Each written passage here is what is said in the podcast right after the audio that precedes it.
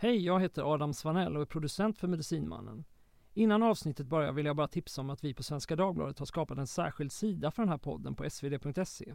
Där finns artiklar där du får veta ännu mer om Medicinmannen, det finns kartor, fotografier, filmer med mera. Om du inte redan är prenumerant på Svenska Dagbladet finns där ett särskilt erbjudande för dig som lyssnar på podden. svd.se medicinmannen är adressen. Missa inte det. I slutet av april 1992 åker en skoter genom det snötäckta landskapet utanför Kittile i norra Finland. Det är där medicinmannen Man försöker skapa sitt framtidssamhälle Gaialand. När skoten kommer fram till tältlägret lastas ett litet bylte på släden. I det ligger Chantiks lillebror, treårige Giska. Han är död. When your little brother died, how old were you then? Six years. Okay, just six years. Pojken har verkat sjuk en längre tid. Ändå har ingen av de vuxna i lägret ringt efter läkare. Ledaren Man förbjuder all kontakt med modern sjukvård. If he allowed to take him to a doctor, so because we we we weren't allowed to go to the doctor. Okay, so you think if he had just come to a hospital, he probably have survived? Yeah, yeah, maybe yeah.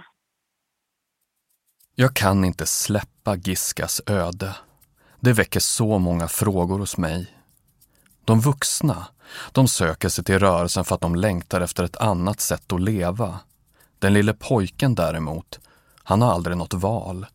Han är ju ett barn. Han föds in i rörelsen. Jag förstår inte varför ingen säger stopp och bara tar honom till sjukhus när han lider och har ont. Istället rullar de in honom i filtar och binder honom. Tror de verkligen att Man ska kunna bota honom med hjälp av sina krafter?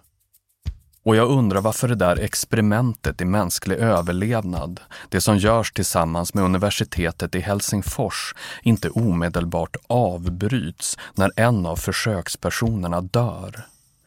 Alla verkar fortsätta tro på Man och hans drömvärld. Det är som de inbillar sig att livet i vildmarken är som en film.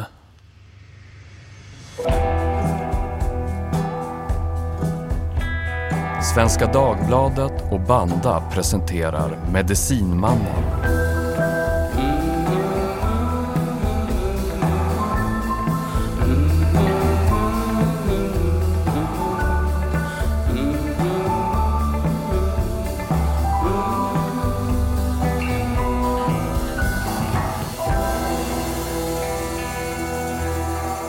Jag heter Lars Berge. Avsnitt 3 dansar med vargar. Det finns en person som känns svår att utelämna ur den här berättelsen. Det är Kevin Costner. Han har huvudrollen i den mest sedda filmen på svenska biografer 1991. There ain't nothing here, Lieutenant. Everybody's run off or got killed. What about Indians? I Dansar med vargar spelar filmstjärnan en vit soldat som under det amerikanska inbördeskriget börjar leva tillsammans med ett ursprungsfolk. Tatanka. Tatanka. Tatanka. Buffalo. Då. Buffalo. Tatanka. Buffalo. Filmen vinner sju Oscars, bland annat för bästa film och bästa regi. Buff. Buffalo. Tatanka. Dansa med vargar har svensk premiär i februari, samma månad som Man för första gången dyker upp i Sverige. När Aftonbladet den sommaren gör ett stort reportage från lägret i Sollefteå knyts historien till succéfilmen. Här har jag, vet jag hittat klipp som jag... Jag läser ifrån Aftonbladet den 14 juli 1991. En av alla personer jag träffar i Sollefteå, Lena Häggström, har samlat alla gamla pressklipp i en perm. Indiansommar. Det ska vara en indian i sommar. Sedan i vintras när filmen Dansa med vargar oväntat blev årets biosuccé har indianfebern spridit sig. Eh, I Sollefteå håller 50 indianer från Kanada på att bygga en indianby och har bosatt sig i skogen för att rädda den svenska naturen. Vår reporter Svante Lidén fick vara med om invig invigningsceremonin av gästtältet Guammen. Aftonbladets reporter är en av många journalister som besöker lägret den sommaren. Och man kan förstå om upplevelsen får dem att själva känna sig lite som Kevin Costners rollfigur. Nordamerikansk urbefolkning dansar kring öppna eldar i det böljande, skogsklädda landskapet i Ångermanland. Och så historierna om ett utsatt folk som förföljts och jagats och sökt sin tillflykt till Sollefteå av alla ställen. Bland journalister finns ett talesätt. Kolla aldrig en bra story. Det visar sig nämligen ofta att när en historia verkar för bra för att vara sann, ja, då är det ofta så. Att den inte är riktigt sann. Men om jag träffat Man, hade jag vågat ställa kritiska frågor eller hade jag fångats av den lika radikala som romantiska drömmen om ett liv bortom civilisationen? Jag vet faktiskt inte. Men vid den här tiden verkar alla köpa Man Story. Alla utom en.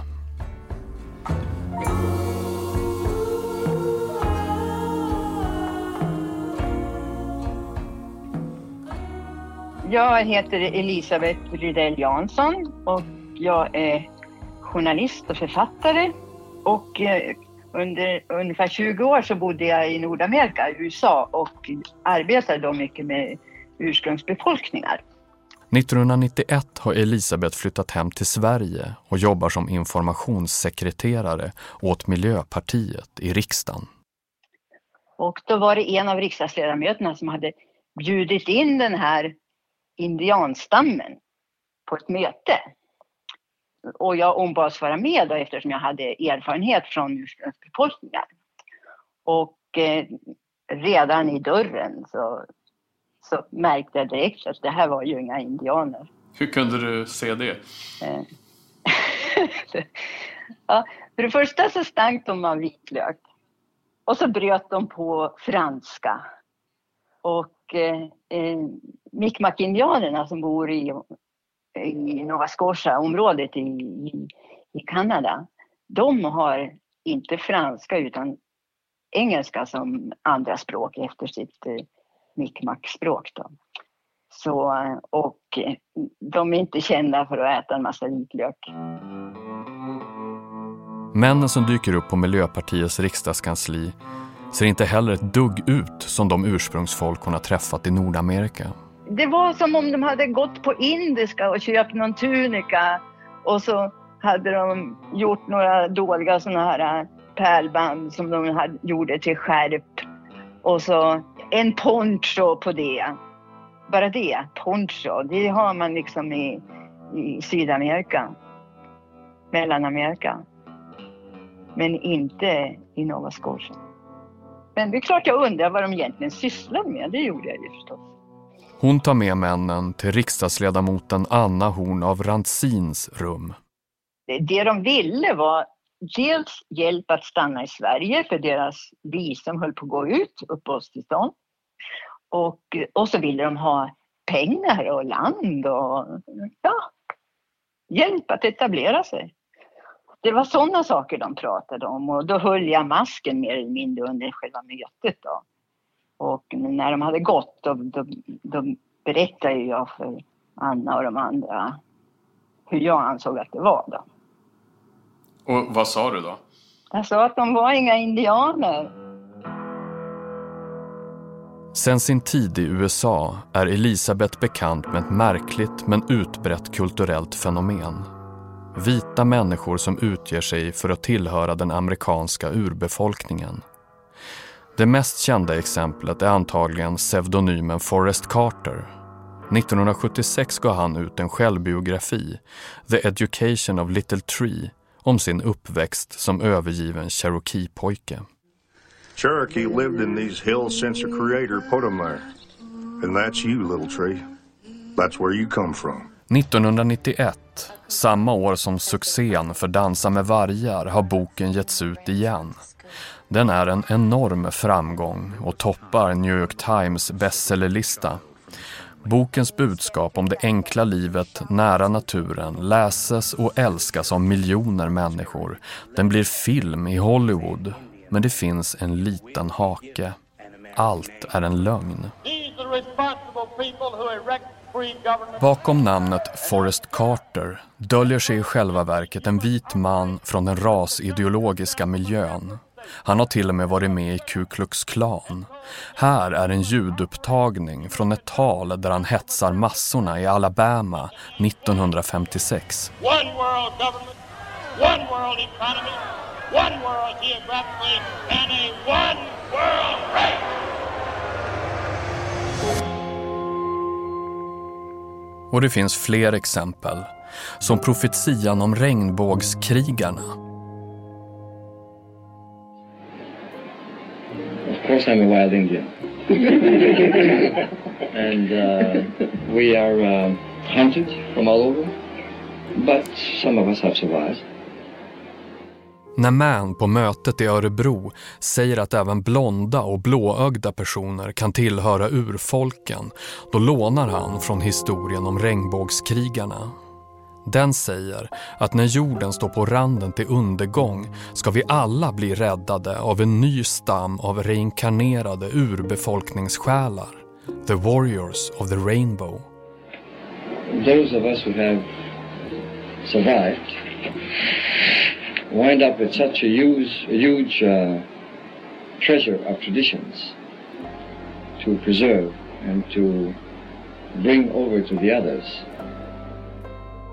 Profetian påstås komma från Hopi-stammen och var hundratals år gammal och har omhuldats av hippies och delar av miljörörelsen i decennier. I själva verket har det visat sig att den är skriven 1962 av en kristen evangelist. Elisabeth Rydell Jansson är bekant med den här sortens bluffmakare. Bland indianerna kallas de för plastic medicine men. Och det, det, det, är en födkrok för många. De reser runt och håller seminarier och ja, allt möjligt. De kallar sig medicinmän ofta, men de är inte det.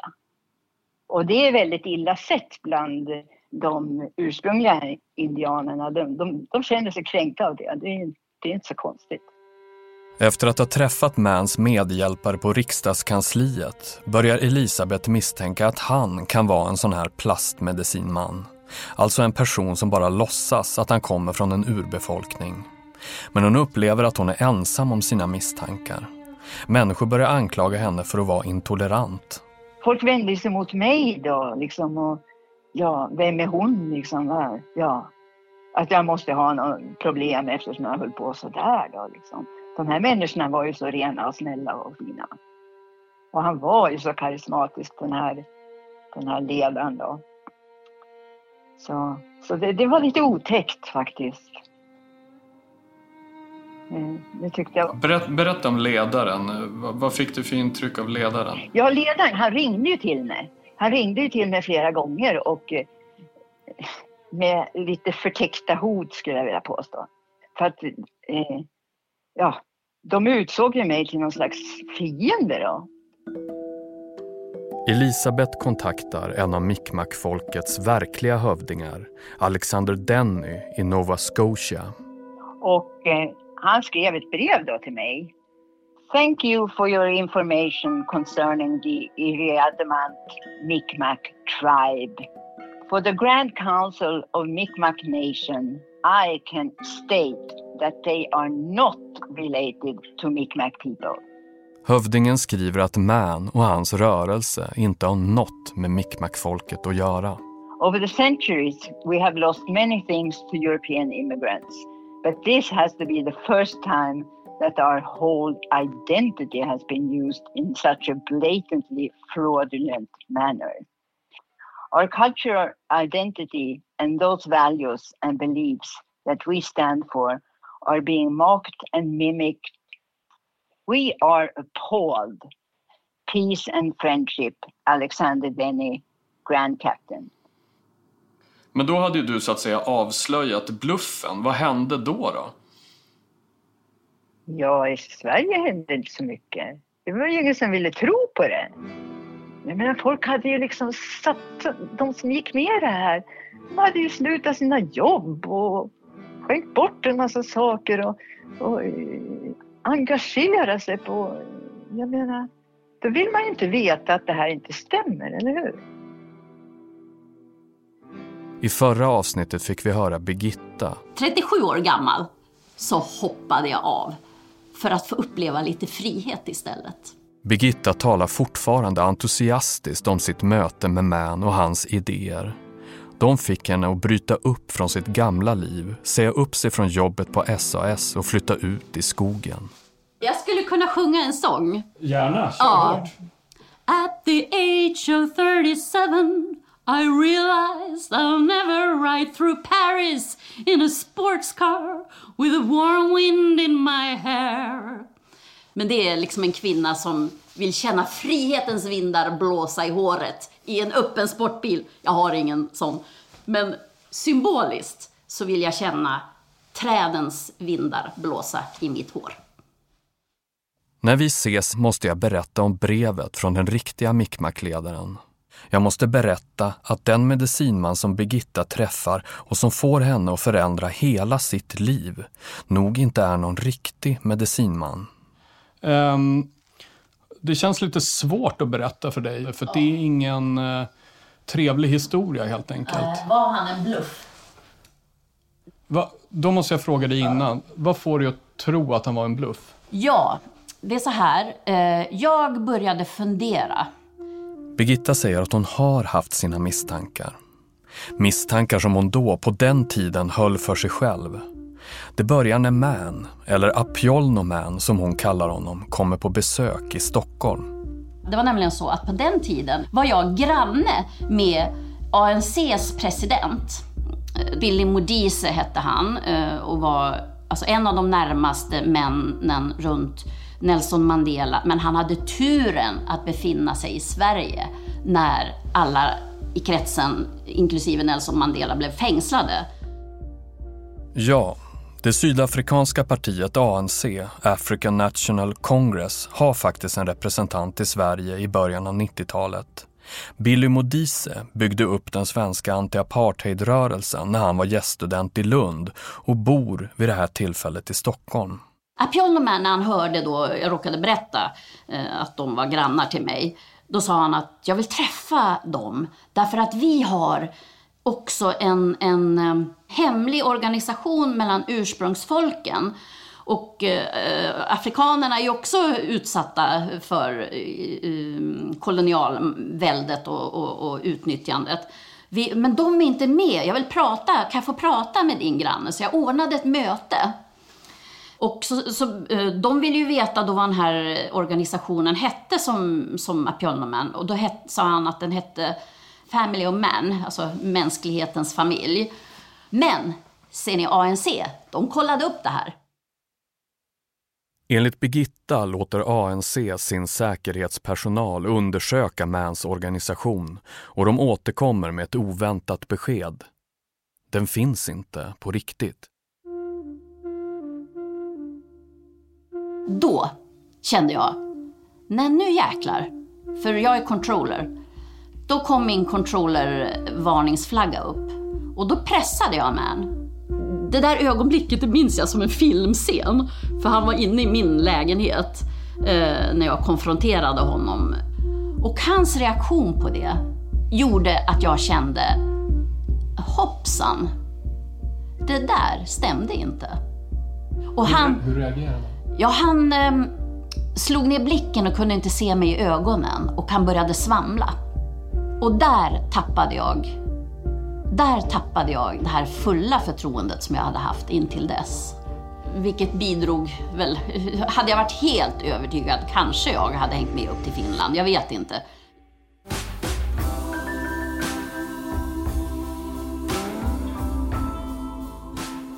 Nans historier går inte ihop. Han påstår sig företräda Mi'kmaq-folket, men de vill inte kännas vid honom. Han utger sig för att vara expert på uråldriga jordbruksmetoder, men odlingarna funkar inte. Han predikar en strikt vegankost men äter själv kött i smyg. Men om han inte är någon medicinman, vem är han då?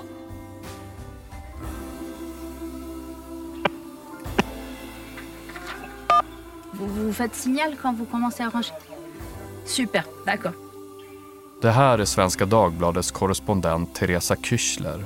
Hon har kopplat upp sig från en studio i Bryssel. Okej, okay, han spelar in, då kan vi köra. Tyvärr är den ordinarie ljudtekniken sjuk och någon sorts praoelev får rycka in. Så ljudkvaliteten blir inget vidare.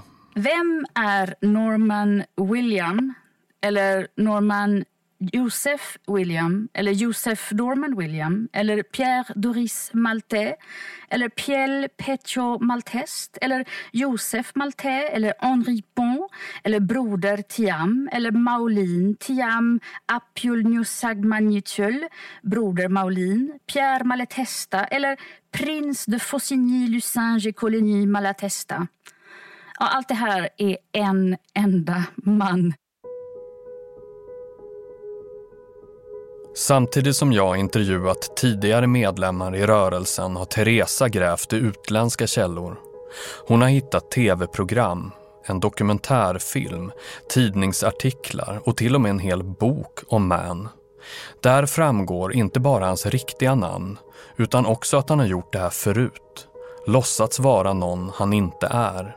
14 olika identiteter och olika namn har han gått under, under de decennier som han har varit en, eh, en, en polishistoria och en, eh, en skräckhistoria och en svindelhistoria i, i, på flera kontinenter.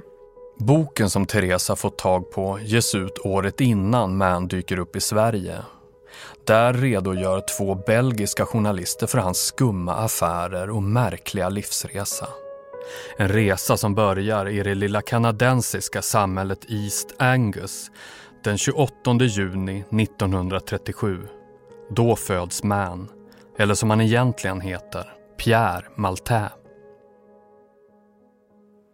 Ska man hitta ursprunget för den här shamanen så måste man leta sig till en liten håla i Quebec i Kanada. Det här är alltså den fransktalande delen av Kanada och han föds i en helt vanlig europeisk ättad eh, arbetarfamilj. Hans pappa jobbar i bruket, hans mamma är hemmafru. Hans pappa går bort tidigt så att eh, han, han och hans syskon blir tidigt eh, faderlösa och då också väldigt, väldigt fattiga. Hans syster vittnar om att lille Pierre som barn är en fantastisk historieberättare eller lögnare beroende på hur man ser det. Bland annat brukar han låtsas vara barn till judiska och syrianska familjer i stan där han växer upp. Några sådana släktband av familjen Maltais inte alls. Inte med Kanadas ursprungsbefolkning heller.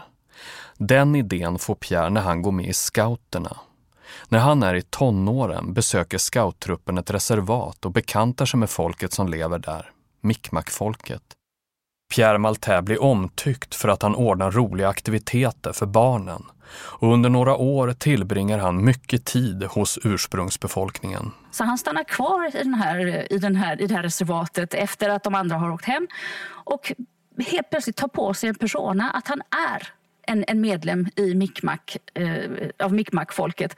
Om det är någon i den här berättelsen som påminner om Kevin Costners rollfigur i Dansa med vargar är det alltså Man själv. Det är han som är den vite mannen som börjar leva tillsammans med en urfolksstam. Med skillnaden att han inte är någon hjälte som vinner ursprungsfolkens respekt och aktning. Han är en bedragare. Inte ens som tonåring så är han rädd för att eh, liksom, fuska, svinna, förfalska, eh, ljuga. Han är, han är en mästare på att ljuga. När han blir äldre börjar han läsa på universitetet och redan här uppstår de rykten som ska komma och följa honom genom livet. Att han antingen är jagad av eller själv jobbar för någon säkerhetstjänst. The Front de Libération du Québec is not the Messiah, nor a modern day Robin Hood. Under den här tiden i Kanada så är den separatiströrelsen i Quebec väldigt, väldigt stark. Och det finns en gren som kallas för FLQ, alltså Front de Libération Québécois. Och de kallas kort då för felkisterna efter förkortningen FLQ. Och man vet att kanadensiska säkerhetstjänsten ofta rekryterade studenter. Detta har kommit fram i massor med undersökningar i efterhand. Rekryterade studenter för att infiltrera felkiströrelsen. 27 injured Montrealers were carried or hobbled out of the Montreal Stock Exchange building when the FLQ struck on a February afternoon in 1969. FLQ är klassad som en paramilitär terrororganisation. Målet är ett fritt och socialistiskt Quebec. Under 60-talet kidnappar de bland annat en diplomat. De mördar en minister, de rånar banker och spränger börshuset i Montreal i luften. Organisationen anses vara mycket farlig. Man vet att han var medlem. Man vet inte om då han var infiltratör eller en verklig medlem. Men när det börjar bränna till ordentligt med separatiströrelsen så försvinner han helt plötsligt och dyker så småningom upp i Frankrike. 1970 flyttar Mann med sin familj till Frankrike. Han har vid det här laget redan gift sig, han har tre barn redan. De, eh, de installerar sig i Paris. Han har pengar, han bor på ett jättedyrt hotell. I Paris tar medicinmannen, eller Pierre Maltais som han heter, kontroll över en liten kedja av ekologiska matbutiker och han börjar samla unga sökande människor omkring sig. 1976 så dyker det som man då i Frankrike kallas för La Tribu, alltså stammen, i Paris. Det är i ytterkanten av Paris. Där smäller då Pierre Maltais upp eh, en massa tipis. Det är så den startar, sekten som 15 år senare ska dyka upp på svensk mark.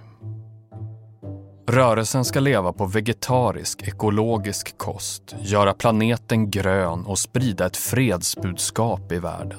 Han lanserar den här liksom tipi-parken, eller den här liksom sekten ute där, som Europas första reservat för ursprungsbefolkningar där han då ska bygga upp eh, ett primitivt sätt att leva som ursprungsbefolkningarna gjorde förr i tiden. Men de människor som bosätter sig i reservatet är alltså inga urinvånare utan vanliga europeiska sökare. Det här är bara några år efter 68-rörelsen i Frankrike. Det här är bara några år efter gröna vågen. Det finns fortfarande eftersläntare i den franska gröna vågen. Det finns överhuvudtaget i hela världen. Det är ju liksom hippie, hippieåren där det finns en sån där tillbaka till naturen-känsla. Precis som senare i Finland och i Sverige inför Man asketiska livsregler för rörelsens medlemmar. Alla former av droger är förbjudna. Kvinnor och män lever separerade. Människor i rörelsen har berättat att de hindras från att få regelbunden sömn. De blir ofta sjuka, men Man säger att han kan bota dem med sina schamankonster och örtmediciner. De får genomgå en nio månaders, eh, nio månaders tillvänjning. Och då kan man tänka sig, alltså, om man inte sover på nio månader ordentligt, man sover några få timmar per natt, och man inte äter, Alltså det är ganska lätt att påverka psyket där. Det här säger ju sektspecialister att det här är ju det är så man bryter ner en människa för att, för att kunna hjärntvätta. Vittnesmål och bilder från den här tiden säger att det var ju vandrande skelett, hålögda, magra människor som gick omkring eh, ute kring då Pierre Maltais Eh, eh Eh, ägor. Medan han själv faktiskt ganska ofta fortfarande bodde på det här hotellet som var svindyrt mitt inne i Paris och, och reste runt då med till sina olika resor. Anhöriga till medlemmar börjar slå larm om vad som pågår i det så kallade reservatet utanför Paris. En av medlemmarna dumpas utanför ett sjukhus. Han är kraftigt utmärglad och svävar mellan liv och död. Misstankar riktas också mot att ledaren, Man, berikar sig på de pengar som samlas in till välgörande ändamål i utvecklingsländer när det började nafsas i hälarna för mycket av polis och, och, frågor och så här, då bestämde han sig för att försvinna. Då sa han till, eh, då sa han till sekten att jag, eh, Pierre Malte, eh, jag tänker nu återvända till Kanada och det är min halvbror som ska ta över istället. Och min halvbror hette Norman William, sa han. Men lämna landet. Istället skickar han sin okände halvbror till Frankrike för att sköta verksamheten. Många tycker att det är något bekant med den här personen. Så kom han tillbaka och hade skaffat sig ett stort skägg och skaffat sig den här peruken som är liksom en sån där lång eh, dreadlocks-flätar långt ner på ryggen. Så han kommer tillbaka i egen hög person och låtsas att han är sin egen halvbror. Men då har han också ett nytt pass Et voilà que l'on reparle de la fameuse affaire Ecovy, l'avocat de Norman William. Du nom de cette organisation dont le chef s'appelle Norman William. Norman William... 1980 så börjar rättvisan komma fram och han börjar bli lite skraj och han vill lämna Frankrike. Nu har han 170 anhängare som bor då i Tipis och han är jagad av fransk polis. Vad gör han då? Jo, då kommer han på att han ska starta någonting som heter Återvändandet. Det är en marsch. Nu ska hans sektmedlemmar marschera jorden runt för att sprida ett fredsbud. De ska traska, de ska hjälpa människor i tredje världen. Den här marschen ska ta 16 år. Det är vid den här tiden som Shantig och Giskas mamma ansluter sig till rörelsen. Det sker mer eller mindre av en slump. Jill Rubini, som hon heter, får syn på ett flygblad som berättar om en fotvandring över världen. Jill är 19 år. Hon har varit punkare i Köpenhamn, levt bland husockupanter. Det har blivit mycket alkohol, droger och våld och hon vill komma bort. Vandringen ska starta den 20 mars 1984. Samlingsplatsen är en adress i Paris. Hon åker dit. Les résultats de leur enquête quotidienne sur le terrain seront traités par ordinateur. Il s'agit en réalité d'un mouvement pacifiste international. Under arbetet med den här poddserien har jag mycket kontakt med Jill. Men hon orkar inte ställa upp på en bandad intervju. Istället svarar hon på mina frågor på Messenger.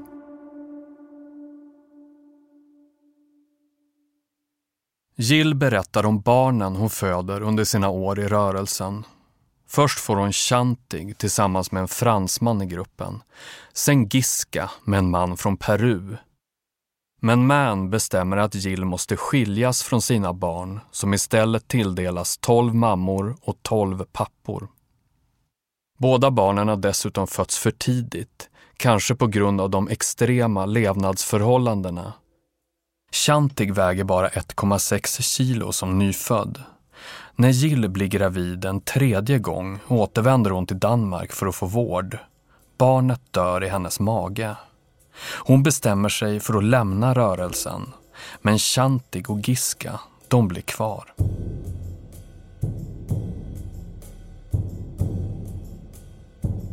I slutet av 80-talet riktas allt fler kritiska blickar mot Pierre Maltais Norman William, Man eller vad han för stunden väljer att kalla sig. För medan resten av rörelsen fotvandrar genom Europa flyger han över världen och gör svindlande affärer. Affärer som nu börjar granskas av franska och belgiska medier och myndigheter och som ger upphov till spekulationer om vilka mäktiga krafter han kan tänkas arbeta för eller bli skyddad av de eftersökningar då som har gjorts av bland annat belgiska journalister som har eh, verkligen, verkligen undersökt hans liv eh, pekar mot då att han ska ha gjort olika tjänster för olika säkerhetstjänster helt enkelt. CIA är det namnet som dyker upp mest. Det talas om att han skulle varit inblandad och skickats för att infiltrera en frihetsrörelse i Angola. Och Det skulle han då gjort för fransk säkerhetstjänst för att de var intresserade av oljefyndigheterna i Angola. Det rapporteras om att han skulle varit eh, infiltrerad i någon slags australiensisk historia med någon vänsterregering som hade fallit i onåd i USA och eh, ville stänga ner amerikanska baser. Det är, så, det är så otroligt fantastiska historier så det är jättesvårt att veta faktiskt vad som verkligen är sant. Men det vi vet är att han alltid har pengar. De belgiska journalisterna som skrivit en hel bok om Man uppger att han sagt sig jobba för FN, att han startat fejkade biståndsorganisationer och att han grundat en sparbank, en fackförening och ett påhittat universitet. Dessutom har han påstått sig vara chef för en hemlig fredsrörelse och att den tidigare letts av Gandhi och Martin Luther King. Och att kulan som dödade King egentligen var avsedd för honom, medicinmannen. Boken skildrar hur Man reser världen runt i privata flygplan. I Libyen tas han emot som en statsman av general Muammar Gaddafi i Belgien, där han hamnar i slutet av 80-talet, lyckas han till och med bli hertig genom att bli adopterad av en 90-åring. Hur lyckas han få den här gamla gubben att adoptera honom? Jo, det visar sig att han har träffat den här gubben på något konstigt sätt. Och så har den här äldre mannen då berättat att han i sin ungdom hade rest eller bott i Kanada en tid och att han hade förälskat sig i en kvinna från ursprungsbefolkningen. Och, eh, men han vet inte vad som har hänt med henne och så åkte han tillbaka till Belgien. Nästa gång Pierre Maltais träffar den här mannen, då har han med sig ett foto och, det här, och så säger han så här, vad, det här, är det den här kvinnan som du hade varit i, i, som du var förälskad i? Ja, ja, ja, säger den här mannen. Och då säger Pierre men det är ju min mamma. Åh, du är min son, du är min son, säger den äldre herren och adopterar honom så att han då också får en adelstitel. Men rättvisan hinner ikapp Man den belgiska polisen gör en razzia mot en lokal som en av hans organisationer disponerar. Enligt tidningen Le Soir hittar de en mystisk bankväxel värd flera miljoner dollar där. Misstanken är att den används för försäljning av berikat uran i den så kallade Iran-Contras-affären. Det fanns en jättestor affär med pengar från Indonesien som skulle placeras via USA, via en bank i Schweiz och det går genom Pierre Maltais och en belgisk affärsman. Och sen på något sätt så tror den belgiska polisen att de där pengarna har hamnat hos PLO och Yassir Arafat istället. Det är, så, det är såna här kedjor av liksom pengar som har skickats fram och tillbaka. Man misstänks för ekonomisk brottslighet. I fängelset inleder han en hungerstrejk och i april 1989 inträffar något som gör att flera av de journalister som granskat medicinmannen verkligen tror att det ligger något i de där ryktena. De om att han skulle vara någon sorts hemlig agent. Telefonen ringer hos fängelsedirektören. Det är Belgiens inrikesminister. Och fängelsepersonalen sa, nej men monsieur, monsieur, monsieur le ministre, vi, vi har ju blivit tillsagda att han ska hållas i förvar. Och då säger ministern nej, släpp honom genast. Så där har vi då liksom, fanns det en konflikt mellan belgiska säkerhetstjänsten som då har begärt att han sätts i förvar. Det här är utan borgen, utan att det egentligen finns ett åtal. Och sen helt plötsligt ett telefonsamtal från den belgiska inrikesministern som är alltså ansvarig för, för liksom, eh, fångvården och sådär. Och så släpps han. Och så får han order att lämna landet direkt. Han får fyra timmar på sig att lämna landet. Det roliga är att de har tagit ifrån honom hans identitetshandlingar. Så på något sätt så lyckas han lämna Belgien utan identitetshandlingar. Monsieur William, c'est une cabale qui a été montrée C'est une cabale qui a été montée contre vous Demandez à un des organisateurs, il saura vous le confirmer. En dokumentärfilmare är på plats och fångar stunden då Man släpps ur fängelset. När medicinmannen möter den belgiska pressen utanför grindarna ser han utmattad och hålögd ut och verkar knappt kunna stå upp utan hjälp. Han är klädd i traditionella smycken, ett pannband av pärlor och en örnfjäder i håret. Han flankeras av en advokat i vit skjorta och slips som viskar saker i hans öra framför kamerorna. Mikrofoner sträcks fram mot den utmärglade sektledaren och han säger Det här bevisar att Kafka inte är död. Medicinmannen kliver in i en grön Rover och bilen gasar iväg.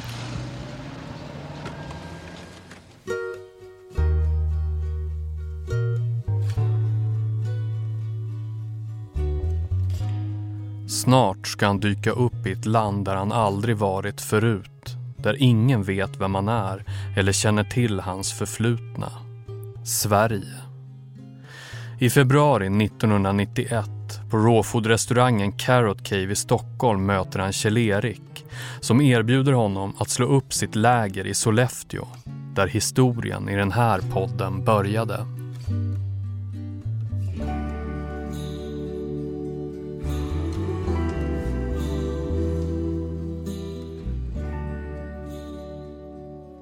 I det material som Teresa Küchler gått igenom i sin research finns också en annan sorts uppgifter. Både i Frankrike och i Belgien har anhörigorganisationer varnat för vad som sker med barnen i rörelsens tältläger. De här anhörigorganisationerna de vittnar ju om liksom vad de ser, att barnen ser eh, undernärda ut, magra ut men kanske också kanske beter sig märkligt. Man, det börjar komma vittnesmål väldigt tidigt om att det är någonting som sker med de där barnen. Det verkar inte vara alla barn i rörelsen utan specifikt pojkar som drabbas. I ett kanadensiskt tv-program som görs 1995 efter Mans tid i Norden vittnar flera män om att han uppvaktat dem sexuellt och uppvisat ett på många sätt gränslöst beteende under deras barndom och tonår i lägret. The older he got, the more he wanted younger ones. Because he had some health problems, to heal himself, he asked the children to lick him. Eh, det finns eh, en ung man som ska ha blivit eh, utnyttjad i sekten som barn som berättar att, att, det, att det såg som liksom en rätt. De skulle skickas in till honom. initiationsriten in till deras sexualliv skulle, skulle väl ske i puberteten men det skedde långt tidigare. De, de berättar om systematiska övergrepp i flera år. Så det finns gott om vittnesmål. Man har aldrig dömts för något sexualbrott. Han utreds vid olika tidpunkter i både Belgien och Kanada men flyr innan åtal väcks. I tv-programmet från 95 får han själv bemöta anklagelserna. Well, many men said that you did have sexual relationships with I was told that too, yeah. Men Man varken bekräftar eller förnekar. Han bara rycker på axlarna. På frågan om han haft sex med pojkarna så svarar han kanske. Oh, maybe so. If you say so. You did or you didn't? Gjorde du det eller inte? frågar programledaren. Jag gjorde det. Eller inte, säger Man. I did or I didn't. Chantig var sex år när Giska dog i lägret. Idag är hon 35. Hon vet fortfarande inte vad hennes bror egentligen dog av, där han låg på sin sovplats i tältet, hårt invirad i filtar och rep. So what do you think about the leader today, about man? Um, it's a difficult because he wasn't there when he died. Not when he died. No, he was long long away. I don't know where he was. He couldn't do nothing there. Enligt Chantig är medicinmannen inte på plats när hennes bror dör. Den där historien jag har fått höra om ett barn som dött i lägret måste ju syfta på Giska. Men det verkar inte stämma som Kjell-Erik sa, att Man kommer ut ur ett tält med barnets döda kropp. Kan folk blanda ihop två olika händelser? Åh gud, mitt hjärta går sönder av det där alltså. Nicole berättar om något som sker på den lille pojkens födelsedag, en månad innan han dör. Giska fyller tre och i tältet genomför Man en särskild ritual. Han hade problem med magen innan. Han hade haft problem med diarréer, alltså du vet så här och han var riktigt, riktigt dålig. Och då var det någonting med att han hade blivit eh, förhäxad eller någonting sånt. Att det var liksom någon slags ond kraft som hade liksom berört honom på något sätt och så skulle Gloskap typ driva ut det här. Gloskap, det är Man, medicinmannen. Det spelas trummor och han är inne i ett av tälten med treåringen. Trots oväsendet från trummorna säger flera vittnen efteråt att de har hört ett högt skrik från pojken där inne. Men Nicole och de andra barnen vet inte vad som händer inne i tältet. And then, yeah, there's the history about the sexual abuse.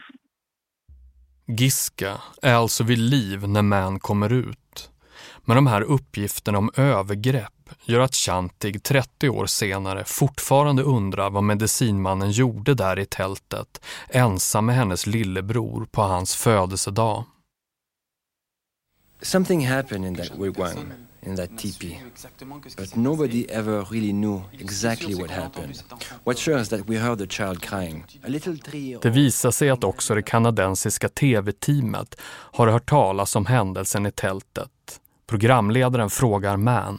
Do you remember, is it true that be, a month before that child died, you entered uh, his teepee where he was staying and uh, the child apparently screamed very loudly? Är det sant att du, en månad innan barnet dog, gick in i hans tipi och att han då började skrika väldigt högt? Man rör inte en min. That's the other way around. Nej, det är tvärtom, säger han. En månad innan han dog gick jag in i hans tält för att han skrek. A month before he died, he was screaming very loudly, and I went in and I asked the person who was with him, please, would you make sure that he can be properly covered? It's very cold, and he's out of his bed sheet. That's it. Programmet sänds i Kanada tre år efter Giskas död och så vitt jag vet är det första gången dödsfallet uppmärksammas offentligt. Jag har letat i mediearkiven efter artiklar om händelsen men inte hittat några. Min kollega Janni har kollat de finska arkiven. Ingenting. Förklaringen till att forskningsexperimentet inte avbryts när pojken dör är antagligen att nästan ingen känner till att det har hänt. Jag undrar om Man och hans medhjälpare försöker mörklägga pojkens död. För att den riskerar hela projektets framtid och därmed deras rätt att stanna i Finland.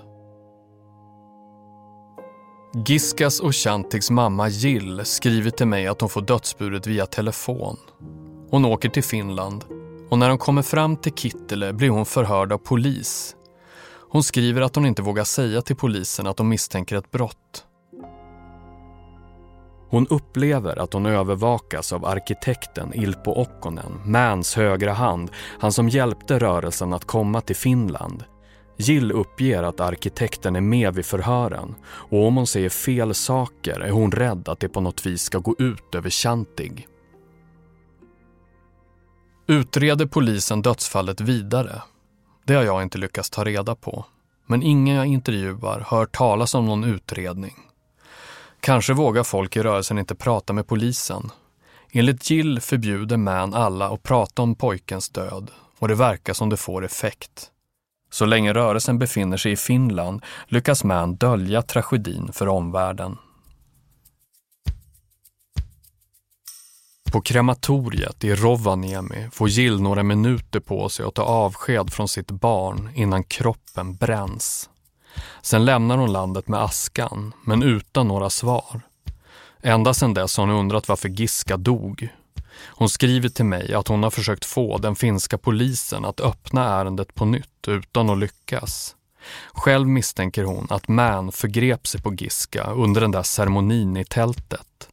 Efter det verkade pojken traumatiserad, har folk som hon pratat med sagt.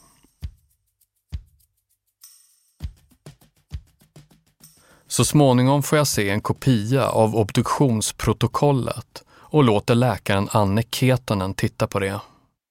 På obduktion så konstaterade man att barnet hade dött av den kraftigaste möjliga allergiska reaktionen som heter anafylaktisk chock. Och sen ovanpå det så hittade man någonting som heter duodenal ulcus, eh, vilket är sår i den tarmen som är närmast magsäcken. Så det är väldigt smärtsamt tillstånd och ytterst, ytterst sällsynt på så små barn. Ett mer vardagligt ord för symptomet är magsår. Om man nu säger så här att han har dött av anafylaktisk chock så på vanligt språk är det att han har kvävts till döds. Men kan man säga att det där, det faktum att de band honom, har det gjort att han dog? Det framgår inte av obduktionsrapporten. Jag kontaktar Ilpo Okkonen, arkitekten. Han vill inte medverka på någon intervju. Under vårt korta samtal avfärdar han Gills berättelse helt. Han förnekar att han överhuvudtaget var med under polisförhören. Men det finns en person till som skulle kunna veta mer om Giskas död. En man som heter François och som vid tiden i Kittele fungerar som barngruppens lärare och skötare. Som jag förstår saken är han den siste som ser pojken i livet. François pratar inte engelska så bra, så jag ber Teresa höra av sig. Bonjour, vous êtes euh, confortable où vous êtes ça, ça, vous, ça vous convient Teresa ringer mig så fort hon har avslutat intervjun. Ja, Roy, det här var verkligen en av de svåraste intervjuer jag någonsin har gjort. François är ömsom känslosam och ömsom misstänksam. Han anklagar oss för att försöka skandalisera rörelsen. Vad tänker du göra med den här artikeln? Tänker du göra något trashigt nu? Tänker du försöka trasha oss? Han är extremt defensiv. Det är väldigt mycket fram och tillbaka. Han är liksom lite nyttig sådär. Han, han var liksom en, eh, en intellektuell människa. Så det var lite det att när man väl fick honom att förstå att berätta bara, snälla berätta om, om din tid i den här rörelsen. Helt fritt och med dina egna ord så blev han varm i kläderna. Även om François romantiserar tiden med Man medger han att medicinmannen var en farlig person. Han säger att eh, han, han var en, eh, en psykopat och att det gav honom en fantastisk personlighet. Eh, sjukdomen eller den här i sig själv gav honom en karisma som var helt otrolig. Man kunde sitta trollbunden i timmar och lyssna på honom för han, hade, han var så intelligent och karismatisk. Men den här psykopatin tog över så att han var liksom megalomanisk och stundtals paranoid. Och ja, inte, inte, en, inte en god människa. Han hade liksom egna avsikter. Till slut har François och Teresa pratat i över 90 minuter och ju längre tiden går desto mer öppnar han sig om vad som hände med Giska. Jo, men François bekräftar för mig då att eh, visst, det var någon slags eh, ritual som pågick där på kvällen där man skulle eh, inkarnera någon eh, ande eh, inne i den här eh, lilla pojken och sådär. Så, så det vet vi. Och så sa han också att under en timme så var Pierre Maltais, eller man då, ensam med barnet i tältet. Och han är väldigt, väldigt noga med att säga att vi vet ingenting om vad som hände. Vi andra där runt omkring, vi var utanför tältet, hade ingen aning om vad som pågick där inne. Han var helt ensam. Och sen så säger han då att pojken, eh, om det är några veckor eller någon månad senare, bara helt plötsligt eh, dör då under en tupplur. Giskas stora syster Chantig säger att treåringen kved av sina smärtor. Nicole säger att han såg sjuklig ut. Men enligt François var det inget märkbart fel på pojken. Giska dog av sig själv, helt stilla i sömnen. Eh, François var någon slags lärargestalt i den gruppen. Han, han har berättat mig att det var i stort sett han som uppfostrade den här pojken Giska. Och då frågade jag honom, men du, du då som var så nära barnen varje dag, kunde du, kan du verkligen, såg ni verkligen inga symptom?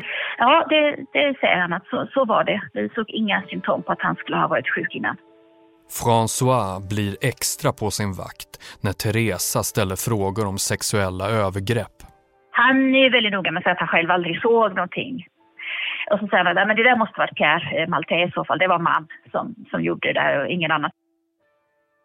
Men under samtalet råkar François säga en sak som Teresa måste gå tillbaka och spela upp igen för att kontrollera om hon verkligen hört rätt. Effectivement, il y a eu, semble-t-il, des, des abus, justement de pédophilie ou de, ou de choses comme ça. Ja, han säger någonting om att eh, vissa saker som var fel och vissa saker som var bra. Och så säger han, men det där med pedofilin, eh, det var ju inte bra liksom. Det skulle inte ha hänt.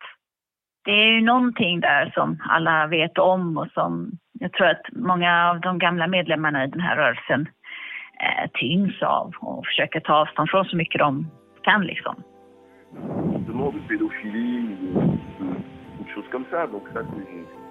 Pas.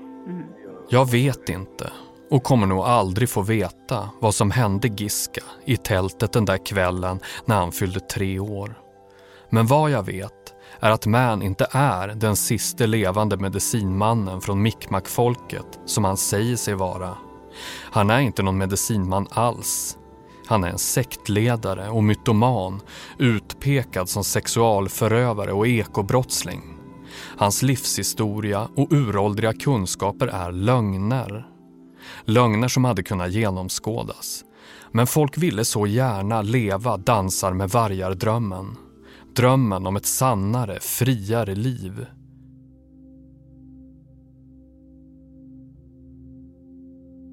På affischen för filmen står en slogan. Inside everyone is a frontier waiting to be discovered. Inom oss alla finns en gräns mot något okänt, ett landskap som bara väntar på att bli utforskat. Somliga i rörelsen ska visa sig vara beredda att korsa den gränsen och följa medicinmannen ut i det okända. Under tiden i Finland lämnar tre unga svenska lägret och tar in på ett billigt vandrarhem i Tornio. Där utför de en andlig ritual som pågår i flera dygn och den slutar inte förrän en av dem blivit knivhuggen rakt i hjärtat. I nästa avsnitt av Medicinmannen de förvandlade rum nummer fyra till en rituell offerplats. Det fanns ju liksom märkligheter i hur det inträffade. är Man involverad i det brutala dådet De två männen var besatta av tanken att driva djävulen ur 25-åringen. och jag ringer ett väldigt märkligt samtal. Vad menar du att du har skyddat folk? Jag har ju inte dementerat. Jag har ju inte sagt någonting till någon i något sammanhang i, i några rättsprocesser.